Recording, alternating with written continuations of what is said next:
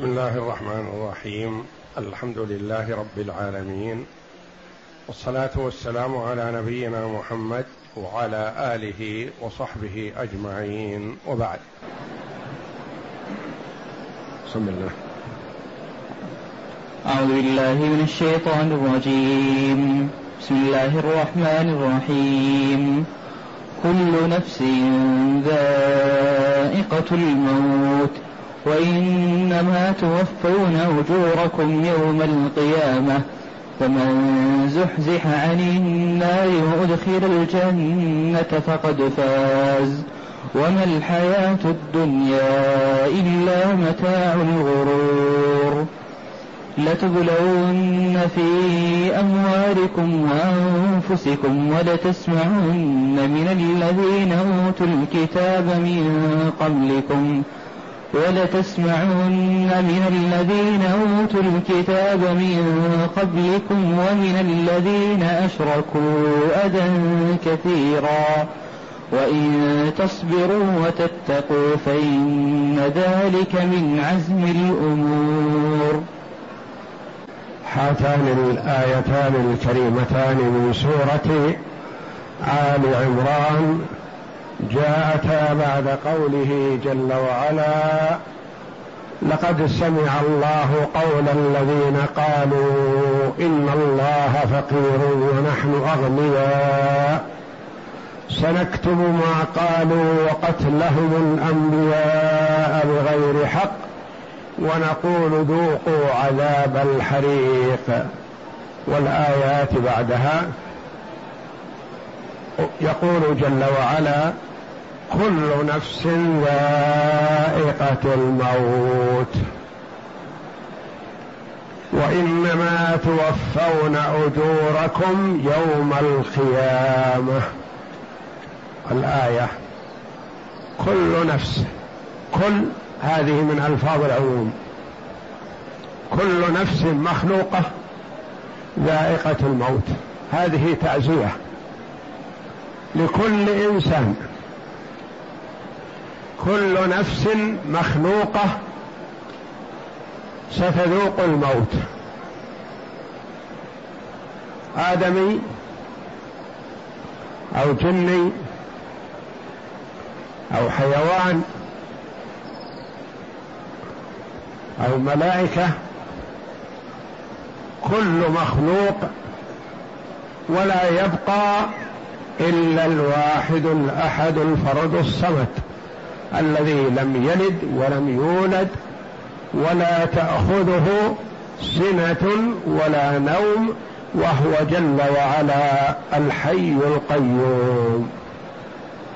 الأول بلا بداية والآخر بلا نهاية. الأول فليس قبله شيء والآخر فليس بعده شيء. كل نفس ذائقة الموت. فعن علي بن أبي طالب رضي الله عنه قال لما توفي رسول الله صلى الله عليه وسلم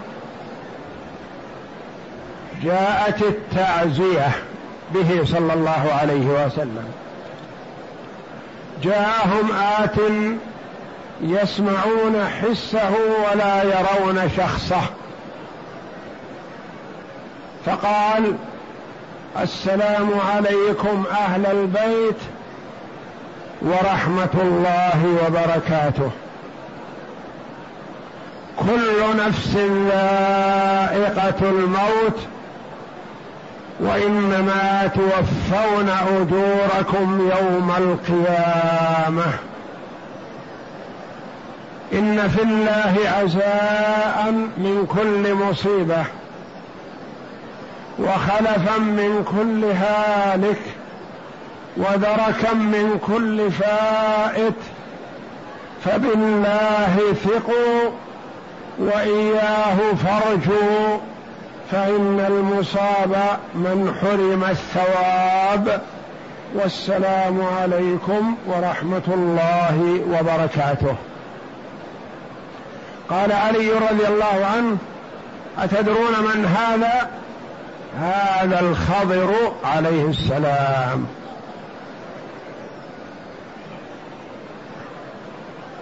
فهذه تعزية بالنبي صلى الله عليه وسلم لما توفاه الله وقد خيره الله جل وعلا بين البقاء في الدنيا وبين اللحوق. بالرفيق الأعلى فاختار عليه الصلاة والسلام الرفيق الأعلى. وفي قوله جل وعلا كل نفس ذائقة الموت هذه تعزية للعموم لأن كل نفس ستموت ولا يبقى إلا الواحد الأحد جل وعلا. إن في الله عزاء من كل مصيبة فهو المصبر لعباده وهو الذي يهبهم العزاء والصبر إذا رجوه وطلبوه ذلك.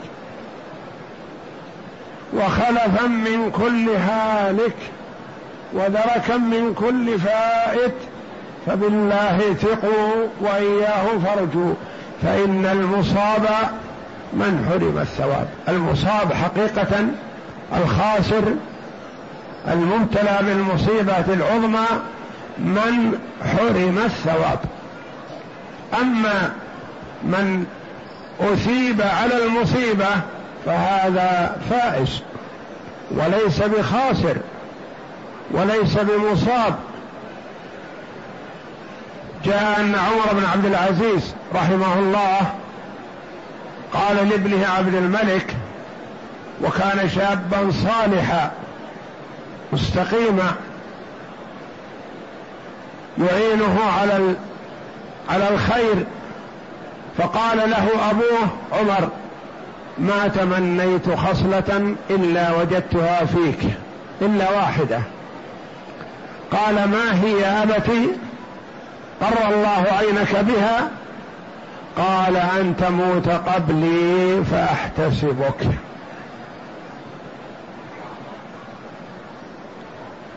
لأن عمر رضي الله عنه يعتبر المصيبة بابنه عبد الملك غنيمة. وفائدة له. فالباقي بعد مورثه مأجور بصبره على مورثه. والمحروم من حرم الثواب والا المصيبة حاصلة. المصيبة والموت حاصل رضي الإنسان ام كره صبر أو لم يصبر. احتسب أو لم يحتسب. لكن إن صبر واحتسب أجر وأثيب. وإلا حصلت المصيبة وحرم الثواب. وصبر كم وسلى كما تسلو البهائم. كل نفس ذائقة الموت. وإنما توفون أجوركم يوم القيامة. إنما تعطون ثواب أعمالكم فالصلحاء ثوابهم وأجرهم الثواب الجزيل من الله جل وعلا والجنة. والفجار ثوابهم وأجورهم العذاب الأليم والعياذ بالله. وإنما توفون أجوركم يوم القيامة. يقول بعض العلماء مفهوم هذه الآية يدل على نعيم البرزخ وعذاب البرزخ. يعني إنما تستكمل أجوركم وتعطون إياها كاملة يوم القيامة بعد البعث. وقبل البعث قد يأتيكم شيئا منها. فالمؤمن يجعل له القبر روضة من رياض الجنة والفاجر والعياذ بالله يجعل له القبر حفرة من حفر النار. فهو ينال شيء من أجره لكن متى يستكمل أجره ويأخذه كامل يوم القيامة. وإنما توفون أجوركم يوم القيامة. فمن زحزح عن النار وأدخل الجنة فقد فاز. ليس في الدار الآخرة سوى دارين فقط الجنه أو النار. فمن أبعد عن النار وسلم من النار فمآله الجنة فقد فاز. ومن لم يزحزح عن النار والعياذ بالله صارت هي مآله فقد خسر خسرانا مبينا.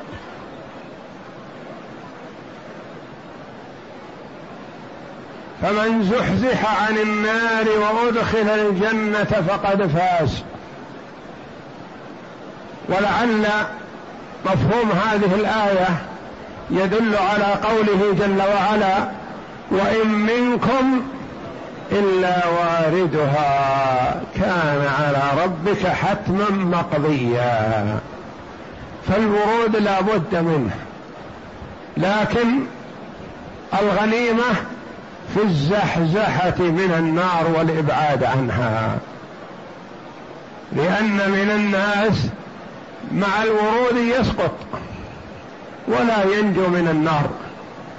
ومنهم من يمر كلمح البصر وكالبرق وكأجاود الخيل وكمن يمشي مشيا وكمن يزحف زحفا. ومنهم مخلدس في نار جهنم والعياذ بالله. فمن زحزح أبعد عن النار فقد فاز. يعني مر عليها مرورا سريعا وسلم منها فمآله إلى الجنة فقد فاز. والثاني مفهوم من الآية من لم يزحزح من النار فقد خسر خسرانا مبينا. وما الحياة الدنيا إلا متاع الغرور. تذكير للعباد بعدم الركون إلى الدنيا لأن الدنيا ما يطمئن إليها. إما أن تذهب عن الإنسان وهو حي أو يذهب عنها هو ويتركها. ومهما عمر الإنسان في الدنيا فإنه ذاهب وتاركها. ولا ينبغي أن يغتر بالدنيا إلا المغرور. وإنما يتزود من الدنيا لآخرته. فالدنيا مزرعة لا لذاتها وإنما هي مزرعة للآخرة. فمن زرع فيها للآخرة ربح الدنيا والآخرة. ومن لم يزرع فيها لآخرته خسر الدنيا والآخرة. كيف خسر الدنيا وقد تنعم فيها؟ وإن ناله ما ناله من النعيم فيها فقد خسرها.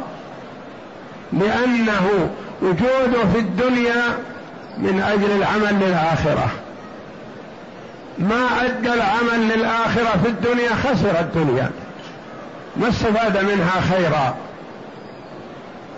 ونعيم الدنيا زائل لا محالة وعن, وعن قريب.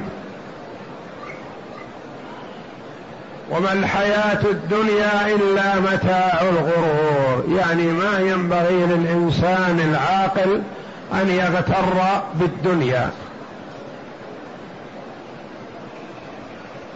ويتزود منها خيرا لأنه ما أمر بتركها وإنما أمر باستعمالها في طاعة الله.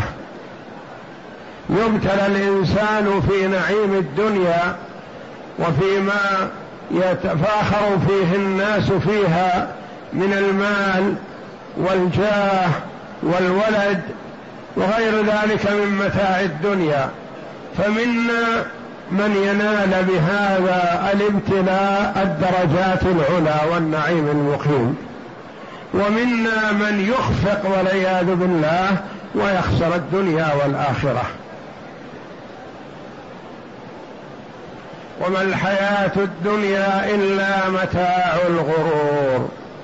ثم إن الله جل وعلا قدم لعباده بانها جرت سنته.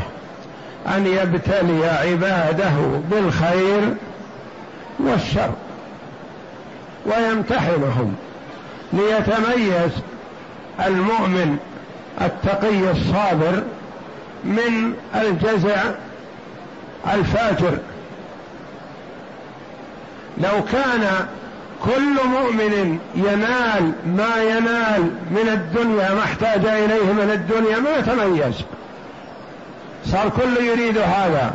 لكن الله جل وعلا يمتحن عباده بالمصائب في الدنيا. وإن كانوا أحبابه وأولياءه.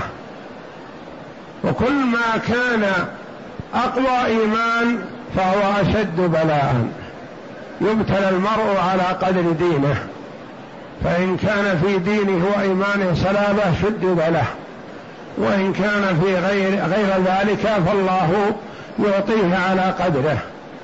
وأشد بالناس بلاء الأنبياء ثم الأمثل فالأمثل. وابتلي النبي صلى الله عليه وسلم بلاء شديدا وصبر. وابتلي إبراهيم عليه السلام بلاء شديدا فصبر. وإذ ابتلى إبراهيم ربه فقال إني جاعلك للناس إماما. الآية لتبلون في أموالكم يعني في الخسارة المالية وتلف المال بالغرق والحرق والخسارة ونحو ذلك من الأمور التي تعرض للأموال. وأنفسكم لتبلون في أموالكم وأنفسكم بالمصائب في البدن بالمصائب بفقد الحبيب.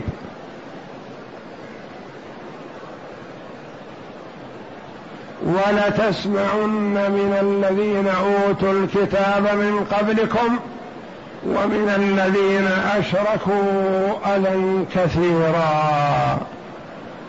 لما هاجر النبي صلى الله عليه وسلم والصحابة رضي الله عنهم من مكة إلى المدينة كان في المدينة المؤمنون الأنصار رضي الله عنهم وأرضاهم. وفيها المشركون عبدة الأوثان. وفيها أهل الكتاب اليهود. الأصناف كلها مجتمعة في المدينة. والنبي صلى الله عليه وسلم في أول الأمر ما أذن له بالقتال ولا الجهاد وإنما أمر بالصبر والصفح والتجاوز. فالله جل وعلا يقدم لعباده بأنه سينالكم شيء من الأذى فتحلوا بالصبر. ولتسمعن من الذين أوتوا الكتاب. أمثال كعب بن الأشرف وحيي بن أخطب وابن حاص وغيرهم من علماء اليهود الذين يعرفون صدق محمد صلى الله عليه وسلم لكنهم آذوه بأيديهم وألسنتهم. وكعب بن الأشرف بشعره.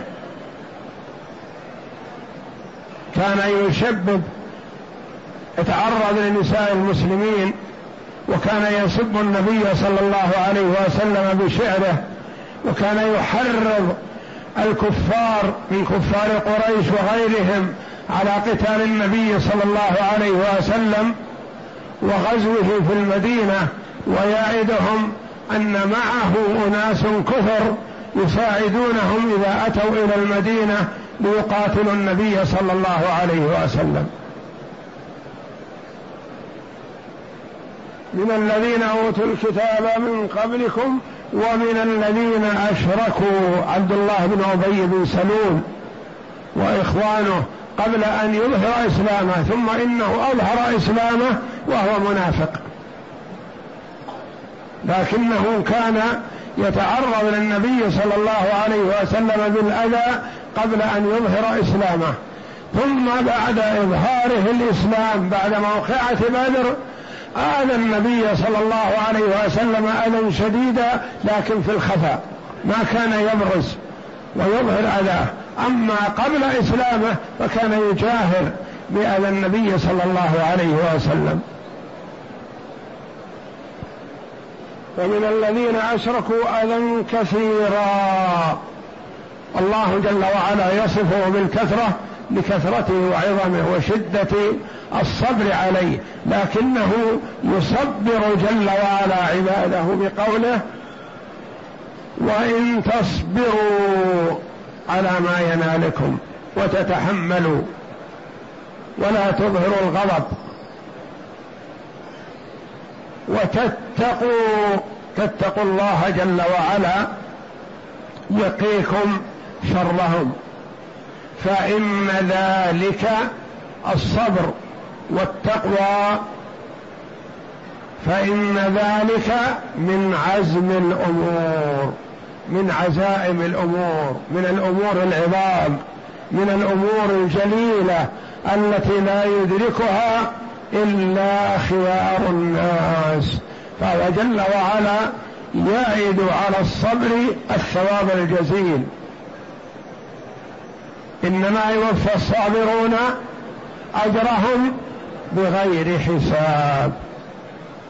الحسنة بعشر أمثالها إلى سبعمائة ضعف إلى أضعاف كثيرة. يقول الله جل وعلا إلا الصيام فإنه لي وأنا أجزي به.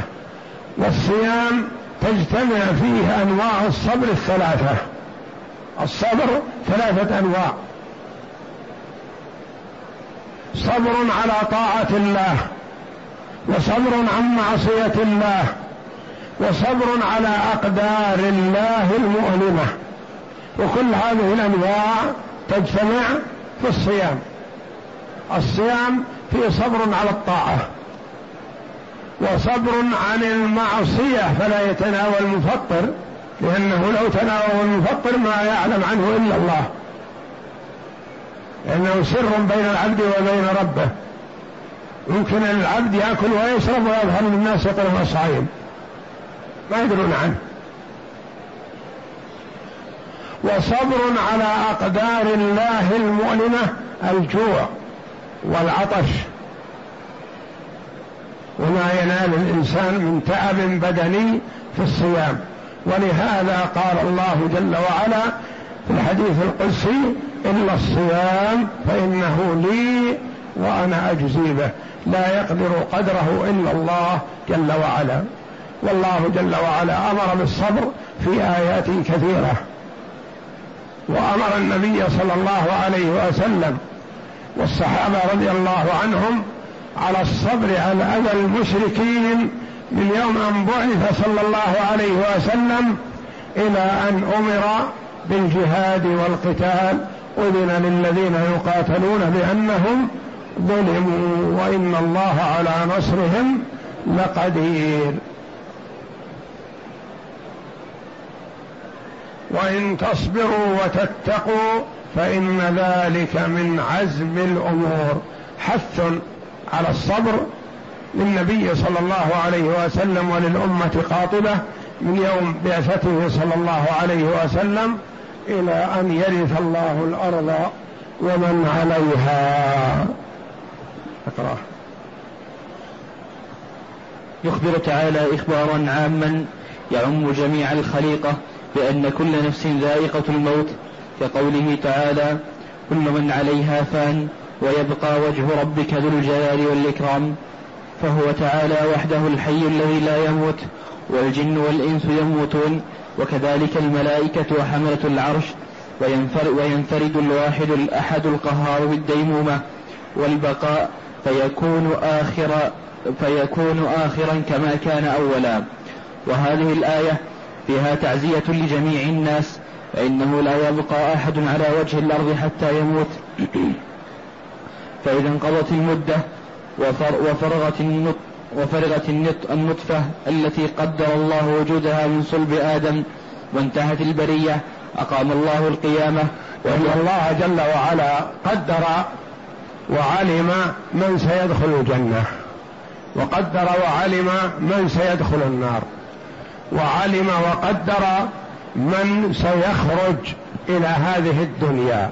عدد النطف وحالها وبقاؤها في الدنيا وزوالها فهو جل وعلا علم ما كان وما سيكون إلى يوم القيامة قبل أن يخلق السماوات والأرض بخمسين ألف سنة وكان عرشه على الماء كما جاء في الحديث الصحيح.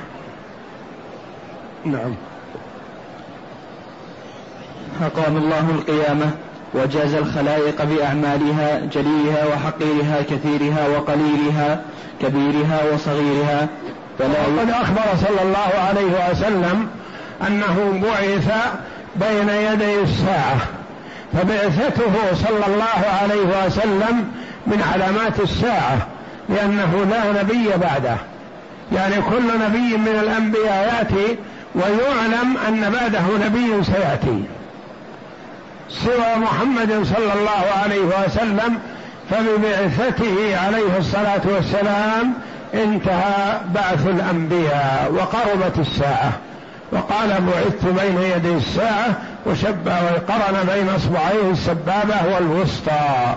فبعثته صلى الله عليه وسلم علامة من علامات الساعة. نعم. فلا يظلم أحد مثقال ذرة ولهذا قال تعالى وإنما توفون أجوركم يوم القيامة. روى ابن أبي حاتم عن علي بن أبي طالب رضي الله عنه قال لما توفي النبي صلى الله عليه وسلم وجاءت التعزية جاءهم آت يسمعون حسه ولا يرون شخصه. فقال السلام يعني عليكم يسمعون كلامه ولا يرونه ما يدرون من هو. نعم. فقال السلام عليكم أهل البيت ورحمة الله وبركاته. كل نفس ذائقة الموت وإنما توفون أجوركم يوم القيامة. إن في الله عزاء من كل مصيبة وخلفا من كل هالك ودركا من كل فائت. فبالله فبالله ثقوا وإياه فرجوا فإن المصاب من حرم الثواب والسلام عليكم ورحمة الله وبركاته. قال جعفر بن محمد فأخبرني أبي أن علي بن أبي طالب قال أتدرون من هذا هذا الخضر عليه السلام. وقوله فمن زحزح عن النار وأدخل الجنة فقد فاز أي من جنب النار ونجا منها وأدخل الجنة فقد فاز كل الفوز. وعن أبي هريرة قال قال رسول الله صلى الله عليه وسلم موضع سوط في الجنة خير من الدنيا وما فيها. اقرأوا إن شئتم. فمن زحزح عن النار وأدخل الجنة فقد فاز. لأن ما في الجنة كله باق وما في الدنيا كله زائل لا محالة. فلذا الشيء القليل في الجنة يساوي الدنيا وما عليها. وقوله تعالى وما الحياة الدنيا إلا متاع الغرور تصغير لشأن الدنيا وتحقير لأمرها وأنها دنيئة فانية قليلة زائلة كما قال تعالى بل تؤثرون الحياة الدنيا والآخرة خير وأبقى. وقال وما أوتيتم من شيء فمتاع الحياة الدنيا وزينتها وما عند الله خير وأبقى. وفي الحديث والله ما الدنيا في الآخرة إلا كما يغمس أحدكم كما يغمس أحدكم إصبعه في اليم فلينظر بما ترجع إليه. وقال قتادة هي متاع متروكة أوشكت والله الذي لا إله والله الذي لا إله إلا هو أوش هي متاع متروكة أوشكت والله الذي لا إله إلا هو أن تضمحل عن أهلها وخذ. يعني أوشكت أن تنتهي وإذا ولو لم تنتهي الدنيا ينتهي صاحبها ينتهي المرء في دنياه ومن مات فقد قامت قيامته. أوشكت أن تضمحل عن أهلها فخذوا من هذا المتاع طاعة الله إن استطعتم ولا قوة يعني يستفيدوا من هذه الدنيا الفائدة العظمى هي طاعة الله. من استفاد من هذه الدنيا الطاعة سعد واستفاد من دنياه وغنم آخرته. ومن لم يستفد الطاعة خسر الدنيا والآخرة. وقوله تعالى لتبلون في أموالكم وأنفسكم كقوله, كقوله تعالى ولنبلونكم بشيء من الخوف والجوع ونقص من الأموال والأنفس والثمرات إلى آخر الآيتين. أي لا بد أن يبتلى المؤمن في شيء من ماله أو نفسه أو ولده أو أهله ويبتلى المؤمن على قدر دينه فإن كان في دينه صلابة زيد في البلاء ولتسمعن من الذين أوتوا الكتاب من قبلكم ومن الذين أشركوا أذى كثيرا. أوتوا الكتاب اليهود والنصارى يطلق عليهم أهل الكتاب وإن كانوا مشركين.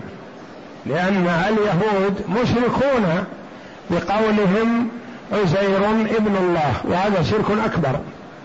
والنصارى مشركون بقولهم المسيح عيسى ابن الله.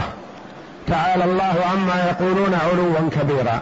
فاليهود والنصارى والمشركون كلهم مشركون لكن الله جل وعلا يذكر أهل الكتاب وحدهم ويذكر المشركين. والمراد بأهل الكتاب اليهود والنصارى والمراد بالمشركين من عبد غير الله كائنا من كان. يقول تعالى للمؤمنين عند مقدمهم عند مقدمهم المدينة قبل وقعة بدر مسليا لهم عما ينالهم من الأذى من قبل موقعة بدر كان الإسلام قليل في المدينة والمشرك يبقى على شركه ولا كان في نفاق قبل موقعة بدر لأن ما في نفاق. المشرك مشرك. والمؤمن مؤمن لكن لما أعز الله جل وعلا ونصر النبي صلى الله عليه وسلم وصحبه الكرام رضي الله عنهم في موقعة بدر خاف المشركون. قالوا هذا ما وقع بالمشركين سيأتينا نصيبنا.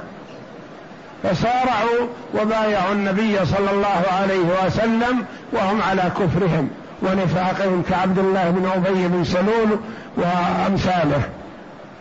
اظهروا الإسلام وابطنوا الكفر.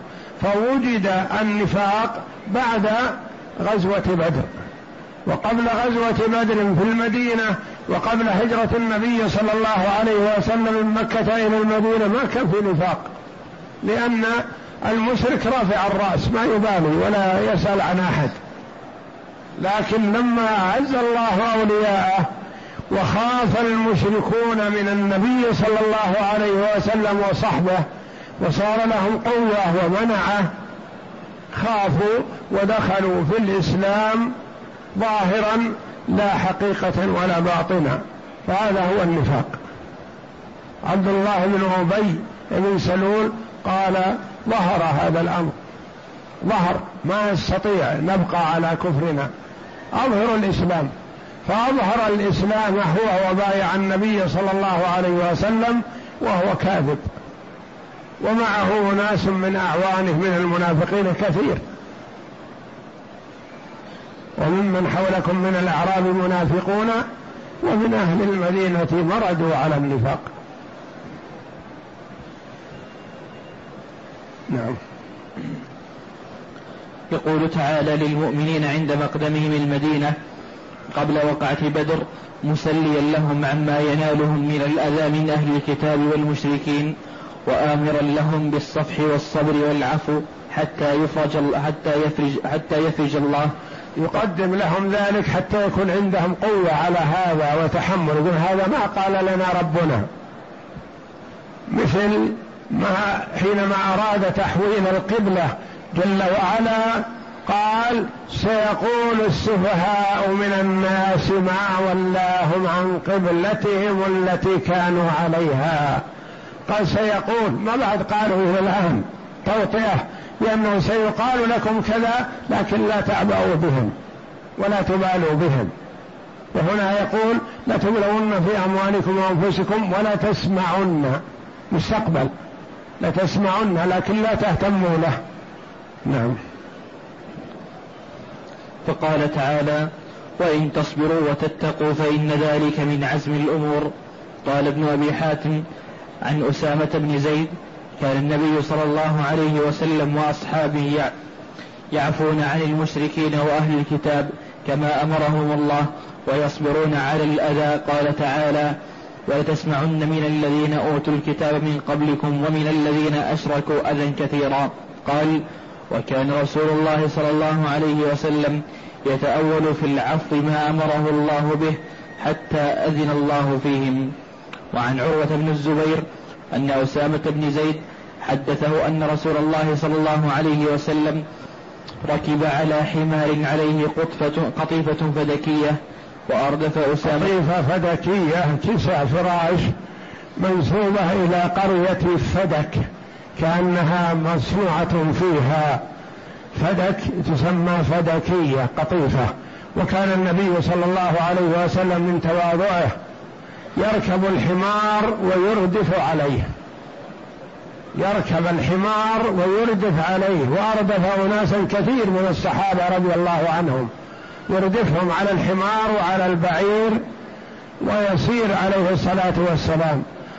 خرج من منزله راكبا على هذا الحمار وقد اردف اسامه بن زيد رضي الله عنه ذهب يزور آه، سعد بن عبادة رضي الله عنه وكان مريض.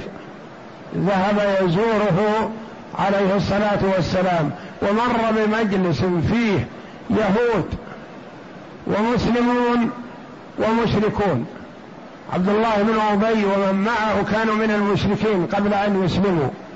وفيه عدد من اليهود وفيه عدد من المسلمين كعبد الله بن رواحة رضي الله عنه وأرضاه. فاغتنم النبي صلى الله عليه وسلم فرصة وجود المجموعة فمر بهم ونزل ودعاهم إلى الله جل وعلا. وحصل ما أخبر به أسامة بن زيد رضي الله عنه. نعم. وأردف أسامة بن زيد وراءه يعود سعد بن عبادة ببني الحارث بن الخزرج قبل وقعة بدر حتى مر على مجلس فيه عبد الله بن أبي بن سلول. وذلك قبل أن يسلم ابن أبي. وإذا في المجلس أخلاط من المسلمين والمشركين عبدة الأوثان وأهل الكتاب اليهود والمسلمين. وفي المجلس عبد الله بن رواحة فلما غشيت المجلس عجاجة الدابة خمر عبد الله بن عجاجة الحمار الحمار يمشي بالنبي صلى الله عليه وسلم والأرض تراب فصار فيها غبر غبرة عجاجة. فأخذ عبد الله بن أبي رداءه وخمر أنفه يعني عن العجاجة والغبار. وقال للنبي صلى الله عليه وسلم اجلس في مكانك ولا تأتينا. اللي يريدك يجي إليك وأنت لا تغشانا في مجالسنا مع أن ما تقوله حق. لا أحسن مما تقول لكن لا تجي يمنا نعم. وفي المجلس عبد الله بن رواحة فلما غشيت المجلس عجاجة الدابة خمر عبد الله بن أبي أنفه بردائه وقال لا تغبروا علينا. فسلم رسول الله صلى الله عليه وسلم ثم وقف فنزل ودعاهم إلى الله عز وجل وقرأ عليهم القرآن فقال عبد الله بن أبي أيها المرء إنه لا أحسن مما رو لا أحسن مما تقول. لا أحسن مما تقول إن كان حقا فلا تؤذي يا أيها المرء يا يقول يا أيها الرجل يعني ما قال يا رسول الله ولا يا محمد قال يا رجل من باب الاستخفاف وعدم المبالاة. نعم. لا يقول كلامك حسن لكن لا تأتينا.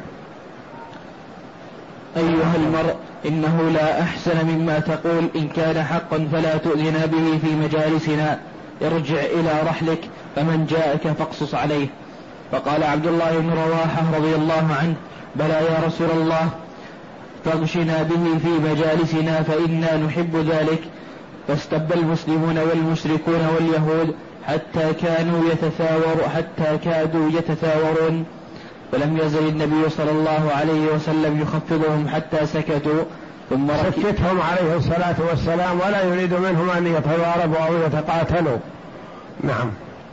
ثم ركب النبي صلى الله عليه وسلم دابته فسار حتى دخل على سعد بن عبادة فقال له النبي صلى الله عليه وسلم يا سعد ألم تسمع إلى ما قال أبو حباب؟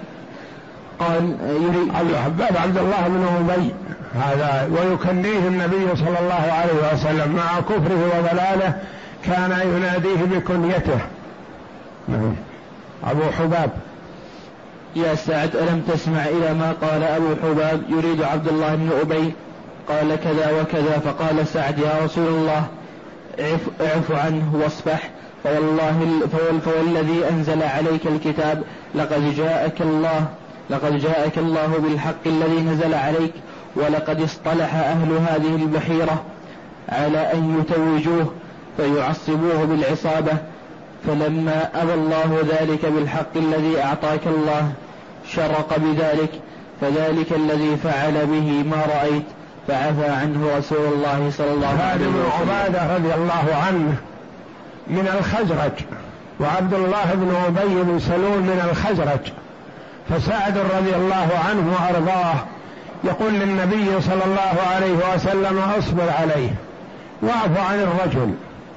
الرجل كان قبل أن يأتي بك الله إلينا قد أجمع أهل المدينة من الأوس والخزرج أن يملكوه عليهم وكانوا يشتغلون بتنظيم الخرز للتاج الذي سيلبسه والملك فلما جاء الله بك إلينا تركوه ما يريدون ولا حاجة لهم به.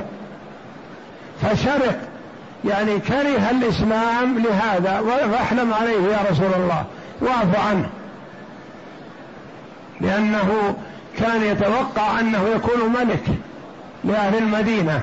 فلما جاء الله بك حرم من هذا لأن الأمر والنهي لله جل وعلا ثم لرسوله صلى الله عليه وسلم.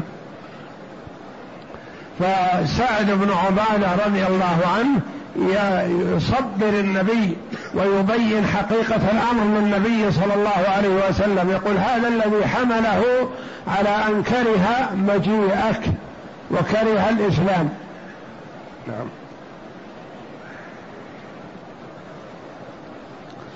وكان رسول الله صلى الله عليه وسلم وأصحابه يعفون عن أصحابه وأصحابه يعفون عن المشركين وأهل الكتاب كما أمرهم الله ويصبرون على الأذى قال الله تعالى ولتسمعن من الذين أوتوا الكتاب من قبلكم ومن الذين أشركوا أذى كثيرا. الآية. وقال تعالى ود كثير من أهل الكتاب لو, يردون لو يردونكم من بعد إيمانكم كفارا حسدا من عند أنفسهم من بعد ما تبين لهم الحق فاعفوا واصفحوا حتى يأتي الله بأمره. وكان النبي صلى الله عليه وسلم يتأول في العفو ما أمره الله به حتى أذن الله له فيهم. فلما غزا رسول الله صلى الله عليه وسلم بدرا فقتل الله به صناديد كفار قريش.